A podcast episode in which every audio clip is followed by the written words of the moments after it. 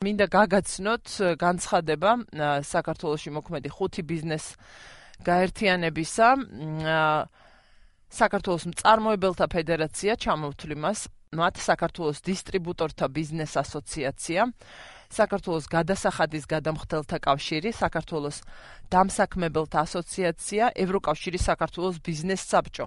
აი ეს ხუთი ბიზნეს გაერთიანება მიმართავს ხელისუფლებას ჩამოთვლის რამდენიმე რეკომენდაციას იმ ვითარების გათვალისწინებით, რაც ახლა არის შექმნილი ქვეყანაში და რაც ძალიან დიდ ზეგავლენას ახდენს ეკონომიკაზე ბუნებრივია, ის შეზღუდვები, რომლებიც დაწესდა და რომელთა დაწესებაც ძალიან მნიშვნელოვანი არის დაავადების გავრცელების შეზღუდვისთვის ასევე, არამხოლოდ ეს, მაგრამ ეს ნაწილიც და როგორც მანიშნებენ გადასახადის გადამხდელთა კავშირის პრეზიდენტი ალექსანდრე რატიშვილი არის ახლა ხაზზე დილამშვიდობის ბატონო სანდრო მოგესალმებით.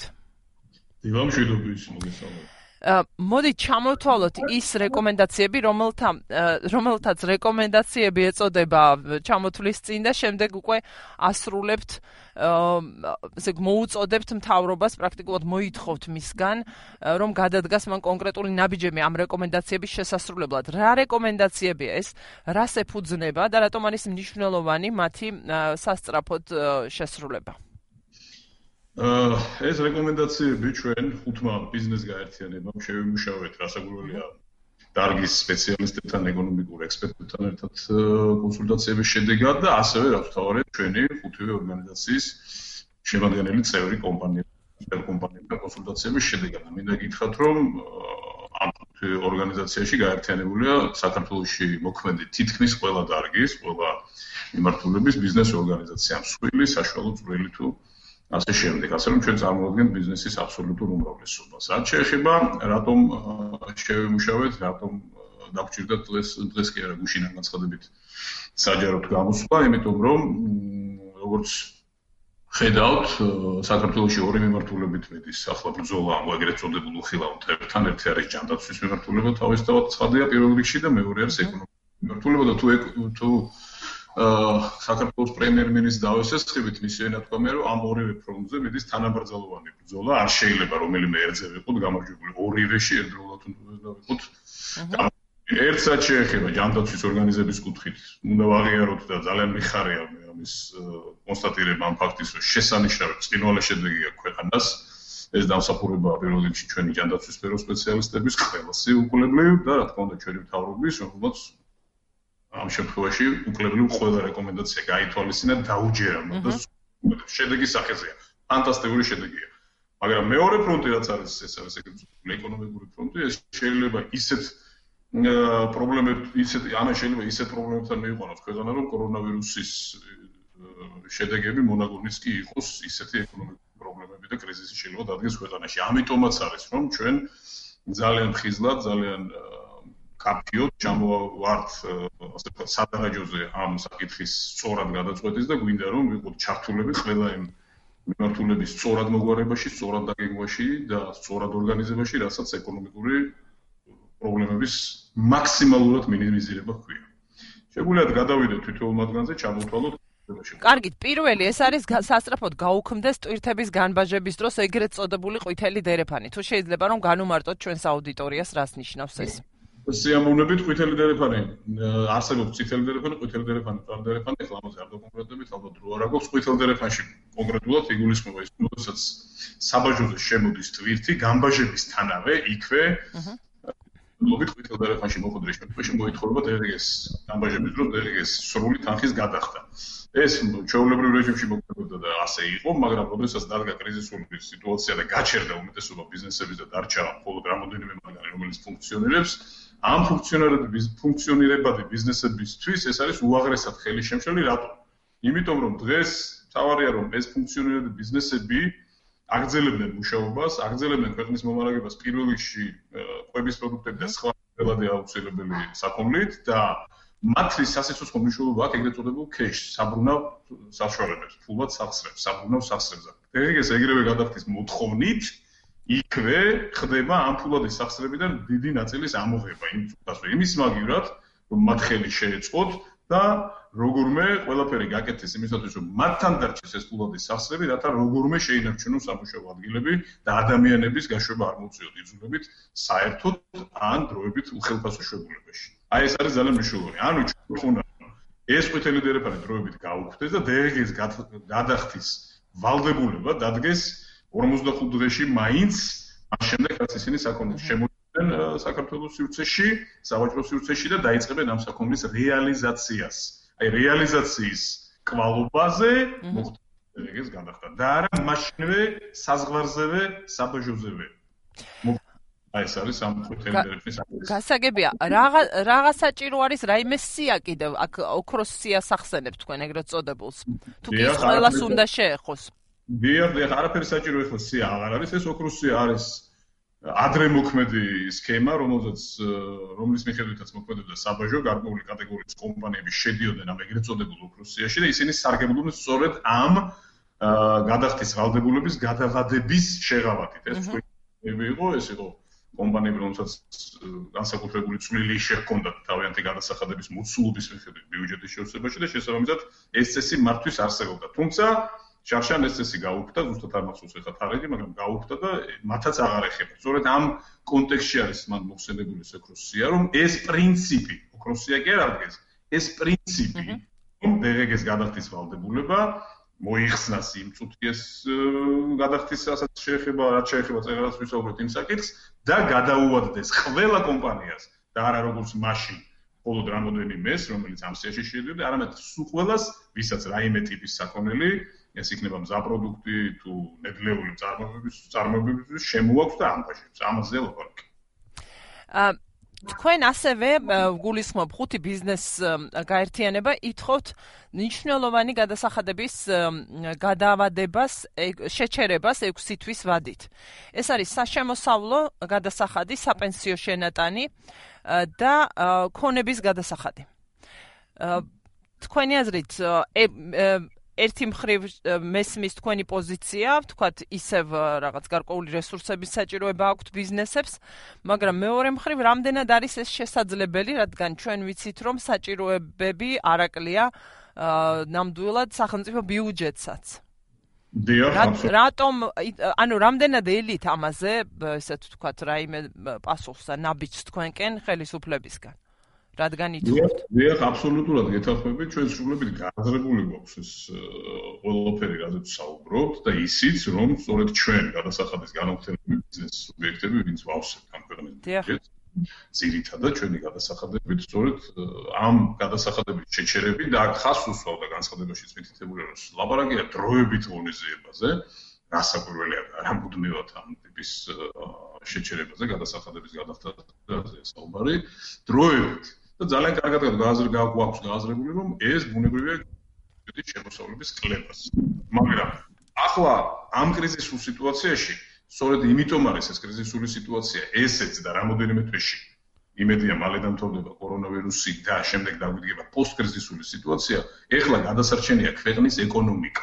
ანუ ყველანაირი ზომებია ვისაღები იმისათვის, რომ ქვეყნის ეკონომიკამ შეინარჩუნოს მაინც განვითარებას ეხლა რაც ლაპარაკი, როგორმე ფუნქცია ირება მინიმალურ დონეზე მაინც რაც ერთის მხრივ ამოიწევს ამ კომპანიების შენარჩუნებას ბაზარზე ვინც დღეს ფუნქციონირებს და მეორე ამ კომპანიებს მიეცემათ საშუალება სწორედ აი ამ როებით გადასახადების შეჩერებით რომ არ გაუშვან ხალხი უხელფასო შეებულებებში თუ საერთოდ დაითხოვონ სამსახურებიდან გამომდინარე მძიმე მათი მძიმე ფინანსური მდგომარეობა. სწორედ შეეხება ეს. მეორე მხარესაც შეეხება დიახ, გამოიწვევს გადასახადების შემცირებას, მაგრამ უნდა გამოინახოს პარალელურადვე ადეკვატური გზები და რესურსები იმისთვის რომ ეს დანაკლისი როგორმე შეივსოს თლიანად თუ არა ნაწილობრივ მაინც. არსებობს ეს რესურსები. პირველ რიგში ეს რესურსი არსებობს შიგნით ბიუჯეტში რომლის კორექტირება უნდა მოხდეს ადეკვატურად სიტუაციის რაც ახლა დადგა ქვეყანაში და ასევე ეს გაჟღერდა კიდევაც თავრობის ხედანაც და ყველა ექსპერტის ხედანაც ვინც ამაზე საუბრობს და უმრავი ადამიანი საუბრობს ეს ამ პრობლემებზე საერთო საფინანსო ინსტიტუტებიდან მაქსიმალური თანხების მობილიზების საშუალებით.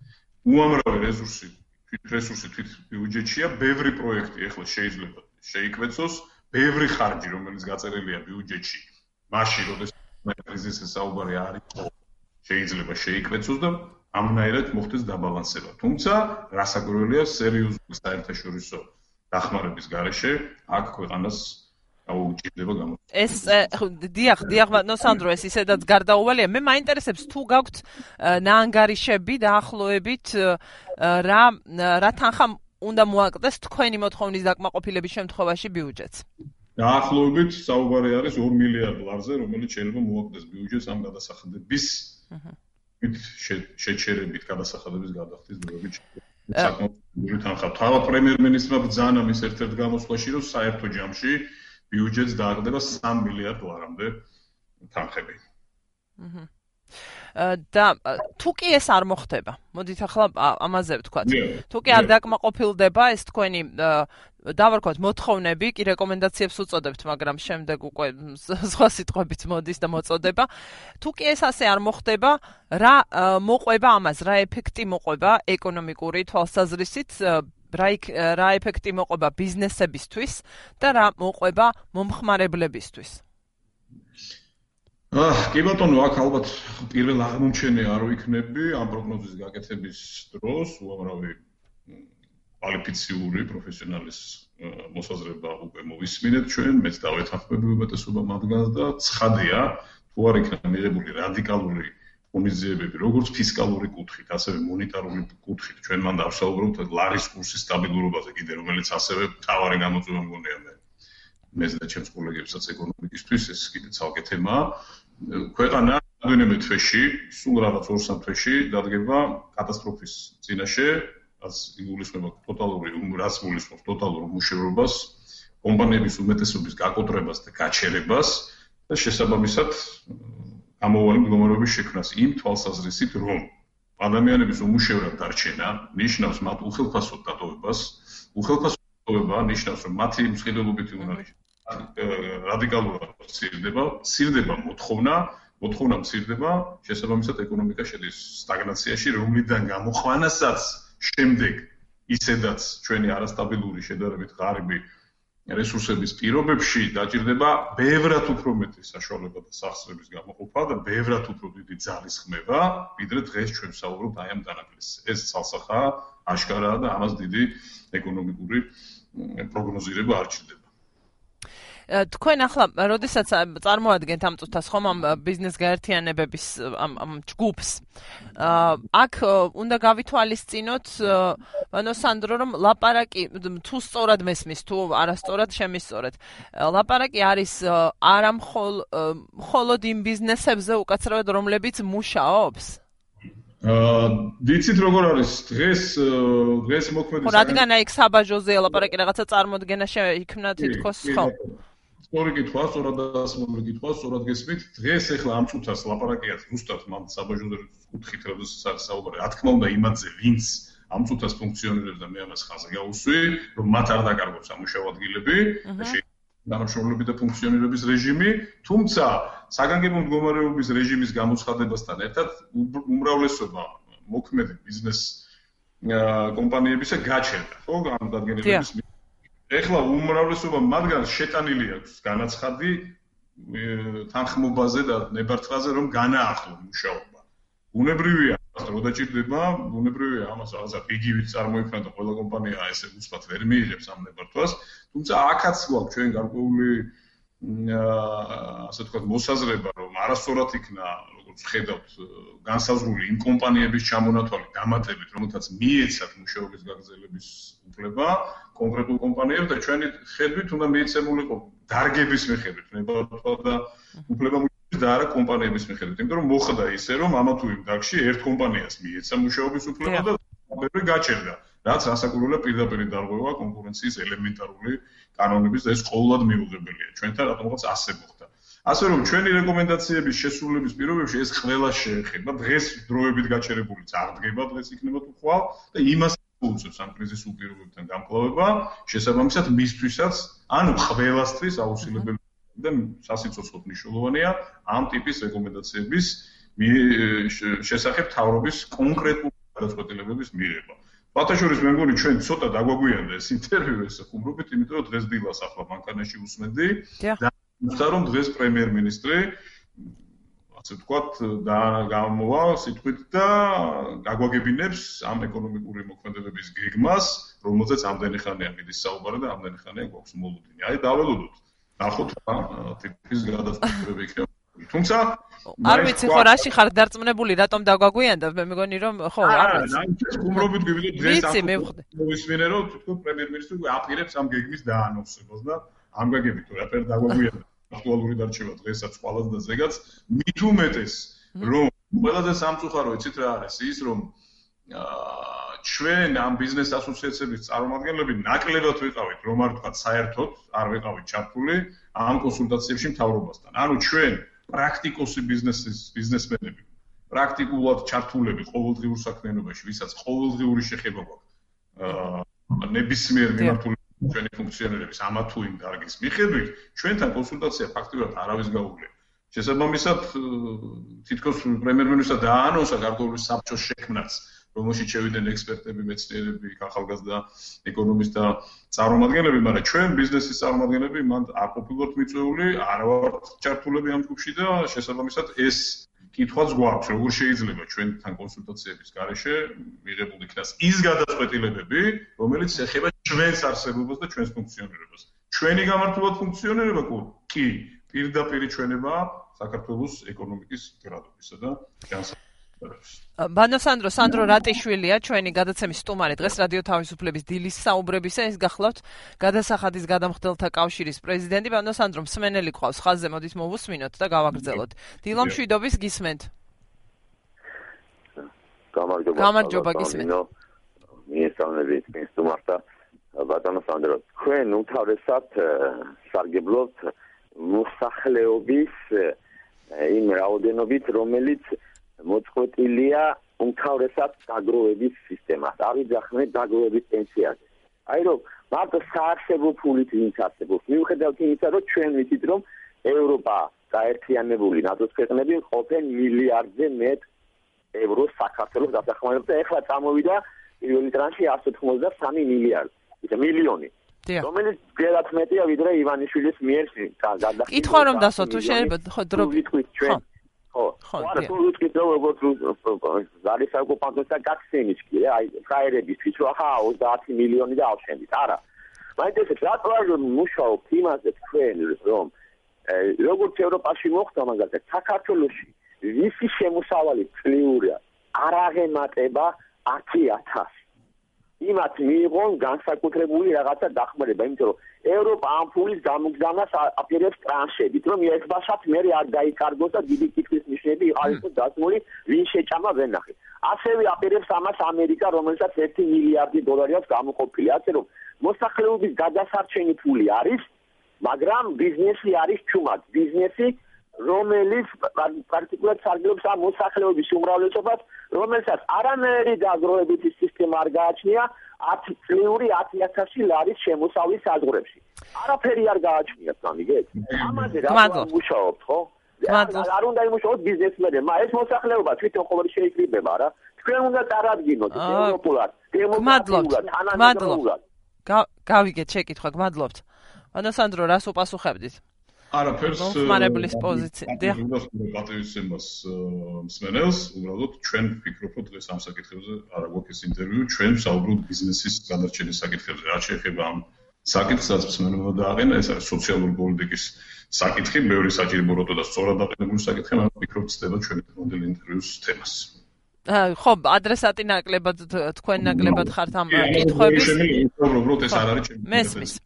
მესმის, ვიდრე ჩვენ საუბრობდით ბატონ სანდრო განახლდა სტატისტიკა ქვეყანაში ვირუსის გავრცელების არ მახსოვს როდის იყო ამდენი მატება თუ იყო ერთ დღეში. 24 შემთხვევა არის ახალი დადასტურებული და 296-ს 16 შეადგინა დადასტურებული შემთხვევების რაოდენობა საქართველოში. მაინც ვიტყვი კიდევ ერთხელ არადამშვიდებისთვის ვინმესი მაინც არის ასატანი და ნორმალური ტემპი ვირუსის გავრცელების გულისხმობ დადასტურებულ შემთხვევებს და ძალიან ძალიან მნიშვნელოვანია რომ კლავაც ვეცადოთ რომ დავიცვათ ის შეზღუდვები პირველ რიგში დისტანცირების შესახებ რაც არის დაწესებული და რაც არის უნივერსალური და ყველა ჩვენი სტუმარი ლაპარაკობს.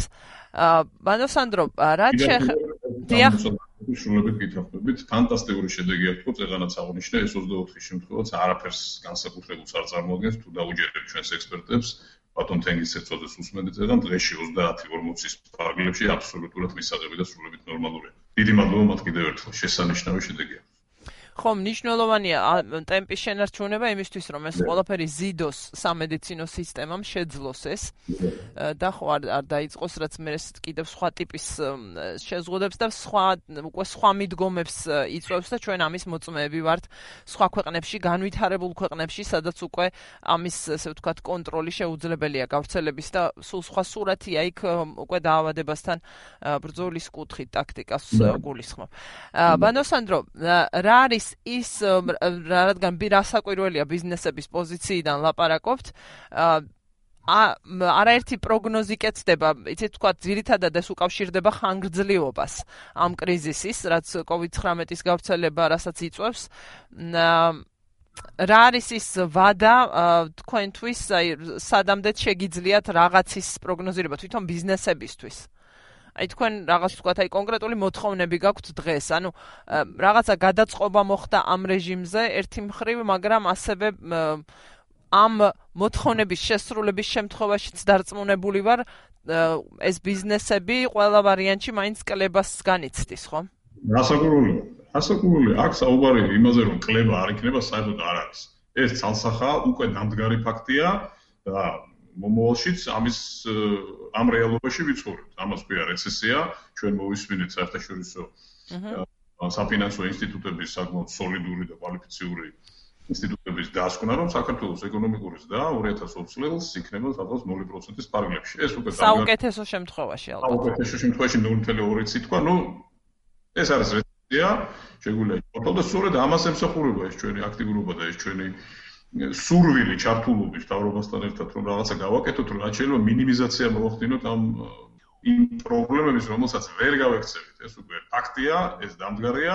თავარია რომ კიდევ ერთხელ ხას გავუსვა.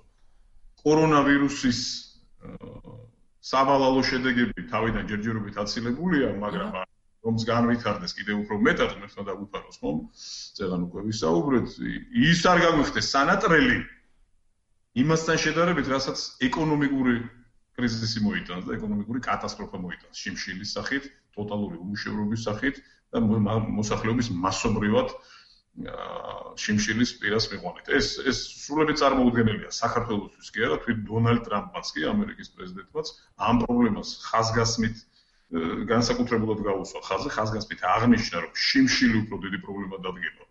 უახლოეს მომავალში თუ არ მივიღეთ რადიკალური ზომები, ვიდრე კორონავირუსით გამოწვეული და კიდევ ერთი ზარი გვაქვს მოусმინოთ საუბრის დასასრულს და დილამ შვიდობის გისმენთ. დილამ შვიდობის საკალბატონო ნინო მივესალმებით თქვენ სტუმარს, რა თქმა უნდა. ესე იგი პროგნოზი ასეთია, რომ უკვე სამი თვის მერე იქნება კატასტროფული მდგომარეობა ეკონომიკის მხრივ და დაიწყება ქვეყანაში შიმშილი. მე მაქვს ასეთი წინადადება. მე თუ მკითხავთ საერთოდ სამუშაო პროცესი არ უნდა შეჩერდეს, მაგრამ აქ უნდა იყოს გათვალისწინებული ერთი რამე. ვინც სამუშაოზე გამოცხადდება, აუცილებლად უნდა გქონდეს მას ნაღდი ნიღაბი, რომელიც არავითარ ვირუსს ვერ გაატარებს და იყო ასეთი განცხადებაც, რომ არის ისეთი ნიღაბი, რომელიც კლავს თქვენ წარმოიდგინეთ ამ ვირუსებსაც და უნდა იყოს რა თქმა უნდა ხელთათმანები ყველას უნდა გქონდეს. აი ესეთი შეიარაღებული თუ იქნება ადამიანი და ის იმუშავებს, ამითინ არაფერი არ დაშავდება და სამაგიეროდ სამუშაო აღდგება ესე იგი ეკონომიკაც გაუმჯობესდება, მათი ოჯახური პირობებიც გაუმჯობესდება და უკვე აღარ მოხდება ასეთი კატასტროფა. აი მე ამაზრზე ვარ მაგალითად და როგორია საერთოდ. დიდი მადლობა. ხო, არ ხართ მარტო ამ მიდგომაში, არ ვიცი საქართველოსში და ხელისუფლებაში რამდენი ფიქრობს ასე, გარკვეული აქეთკენ ნაბიჯი ნაბიჯი არ ვიცი რამდენად გადაიდგა, მაგრამ რაღაცა შემოტრიალება იყო, რომ გარკვეული მოთხოვნების დაკმაყოფილების შემთხვევაში გარკვეული ტიპის ბიზნესები განაახლებენ მუშაობას. ბანდო სანდრო გისმენთ? დიახ, ძალიან საინტერესო. დაახლოებით ამაზე ვლაპარაკობდით უკვე, ხო? ამაზე ვსაუბრობდით, ეს არის თავარი საკითხი. თუმცა ვახსენეთ, თქვა, ზოგიერთი ბიზნესისთვის მიცემა უფლების გაგზავნა მუშაობის და ზოგიერთის შეზღუდვა ერთი და ერთი და იგივე დარგის წარმომადგენლებისთვის, მაგრამ ამას ახლა თავი დავანებოთ უკვე აღნიშნეთ ეს ძალიან საინტერესო მოსაზრებაა, მაგრამ ბუნებრივია, ბუნებრივია ძალიან ყურადღებით და ძალიან სკრუპულოზულად არის აქ გადაწყვეტილება მისაღები. ძალიან ადვილია ახლა ჩემი კაბინეტიდან ან ეგრეთ წოდებული სამზარეულო და რჩევების მიცემა თავრობისთვის ესეთ კრიტიკულ სიტუაციაში, როგორც თელ სოფლიოშია და შემდეგ პასუხისგებლობაზე არ ფიქრი. პასუხისგებლობა მხოლოდ თავრობაზეა. ჩვენთვის ადვილია კიდე საუბარი, ხო? ეხლა გავუშვათ ყველა საწარმო, ყველა მიმუშაოს, ყველა დაიქულოს. ეს რა თქმა უნდა, უნდა მოხდეს ეტაპობრივად, ეს დაანუსტა კიდევაც, თუმცა ძალიან ხილათ არის აქ ყველაფერი გასაკეთებელი. თუმცა გზა ნაჩვენებია, როგორ უნდა გაკეთდეს ეს. თუ კი ჩვენ, მაგალითად, კვების მრეწველობის საწარმოებს, მაგალითად, სუპერმარკეტებს, მოგვეცა საშუალება, რომ ამ წესების უმკაცრესი დაცვით, იმ რეკომენდაციის შესრულებით, რაც მოგვწევს ჯანდაცვის ორგანიზაციებმა, როგორ უნდა ვიმუშაოთ და გავაგრძელოთ მუშაობა და ვიცავთ. ამ წესებს სხვათა შორის ახლა მიმდინარეობს შემოწმებებიც ეს კიდე ცალკე გაუგებარი ამბავია როგორ უნდა შეამოწმო ამდენი კომპანია მაგრამ სხვა თემაა მაშინ შეიძლება სხვასაც მოეთხოვოს ეს ამბავი ამ კონკრეტული წესების კონკრეტული რეკომენდაციების შესანიშნავად არის ჩამოხალბებული არაფერი ბევრი და შეუსრულებელი ამაში არ არის და თუ კი კონკრეტულობის წარმოება შეუძლია რომ დაიცვას ეს წესები თუ კი სუპერმარკეტ შეუძლია დაიცვას ეს წესები და ერთდროულად 3 ადამიანზე მეტი თუ 5 ადამიანზე მეტი არ შეუშვას, რატომ არ შეუძლია იგივე გააკეთოს სუფთასაც, რომელსაც რატომღაც აუგზალეს. დააჯარიმეს ყველაფერთან ერთად, აუგზალეს და ისეთივე პიროვნადი მოხმარების საქონელია, საპონი და ტუალეტი, უბრალოდ როგორც კარაკი და შაქარი, ხო ადამიანისთვის. ჩემი გამოცდილება სუფთა სახლთან ამ შესრულების თვალსაზრისით, რა ვიცი, პირიქით აღფრთოვანებული ვიყავი მათი მოწადინებით, სადაც მე მივდიოდი იმ ადგილას. ნუ აი ესეთი შეცდომები. რა არ ვიცი ხო. არაერთი შეცდომა, მაგრამ ნუ ახლა ნუ ვიქნებით ამ სიტუაციაში ძალიან გაცრები, შეცდომები სახეზეა უბრალოდ. საჭირო ამ შეცდომების სასწრაფოდ, დროულად გამოსწორება და დროული გადაწყვეტილებების მიღება. ერთ-ერთი რეკომენდაცია, მაგალითად, რომელიც ჩვენ გავეცი და ყველა ექსპერტმა თქვა, ყველა პოლიტიკურმა ორგანიზაციამ ეხებოდა საპენსიო შენატანების დროებით შეჩერებას. აი მაგალითისთვის ავიღოთ. დიახ. იდე პასუხო ადვილი აქედან საუბარი, როდესაც პასუხისგებლობის თვითი არ აქვს იმ მასშტაბის და იმ დოზით, როგორც თავრობას აქვს, მაგრამ აიც უნდა თქვა. აი რა გახდა, თუნდაც ამ რეკომენდაციას შესრულება და ამდენი ხანი რა თუნდა ამას გადაწყვეტილება, რომ საპენსიოში, კაი, გასაგებია საშემოსავლო შეიძლება საფიქრალი იყოს, დასათვლელი იყოს, დროჭირდებოდეს სასუშო საშემოსავლო გადასახადის გაუქმებას და ასე შემდეგ. საპენსიო შენატანზე გადაწყვეტილების მიღება ხო ბევრად ადრე და ბევრად უფრო მარტივად შეიძლება. ყველა უკლებელი, ყველა ექსპერტი თქო, ყველა პოლიტიკური ორგანიზაცია, ყველა ეკონომიკური დიახ, დიახ, ამდენად ბევრმა თქვა. არა, აი ამ დონის გადაწყვეტილებაც არ მიიღება. დავკეთეთ სუფთა სახლი. ხო აშკარაა რომ არასწორი გადაწყვეტილება სუფთა სახლში გულისხმობ ყველა სხვას ისეთსაც რომელიც ამ წრეში შეიძლება მოვიაზროთ ამ უსამართლო დაკეტილებას, ხო? ონლაინ გადახდები, ონლაინ მომსახურებები, რატომ არის შეჩერებული ონლაინ მომსახურება? ამაზე პასუხი არ აქვს. ასე რომ, ეხლა, შესაძლოა 21 აპრილი გვიახლოვდება და აუცილებლად დადგება საქმე დაიწყო პარლამენტში. ამაზე მიშოვა და საუბარი, რომ გაგრძელდეს თუ არ გაგრძელდეს და როგორც მე ხედავ და ვზნობ, ალბათ ეს გაგრძელდება კიდევ ეს საგანგებო ძალიან კარგი ანალიზია გასაკეთებელი რა და როგორ იყო აქამდე ამ პერიოდში სანამ მოქმედებდა საგანგებო მდგომარეობა, როგორ მოვიდა ქვეყანა, რა შედეგები დაიდო, არა მარტო ჯანდაცვის კუთხით, სადაც დიახ, დიახ. ანუ ეკონომიკური კუთხით, რაც უაღრესად მნიშვნელოვანია. ამის გააზრების, ამის გაანალიზების გარეშე ძალიან რთული იქნება. ეხლა კიდევ სულ არ ვიცი, ეს ავადა შეიძლება იყოს ეს პროგნოზი ახსენე და მე ნამდვილად ვერ გეტყვით.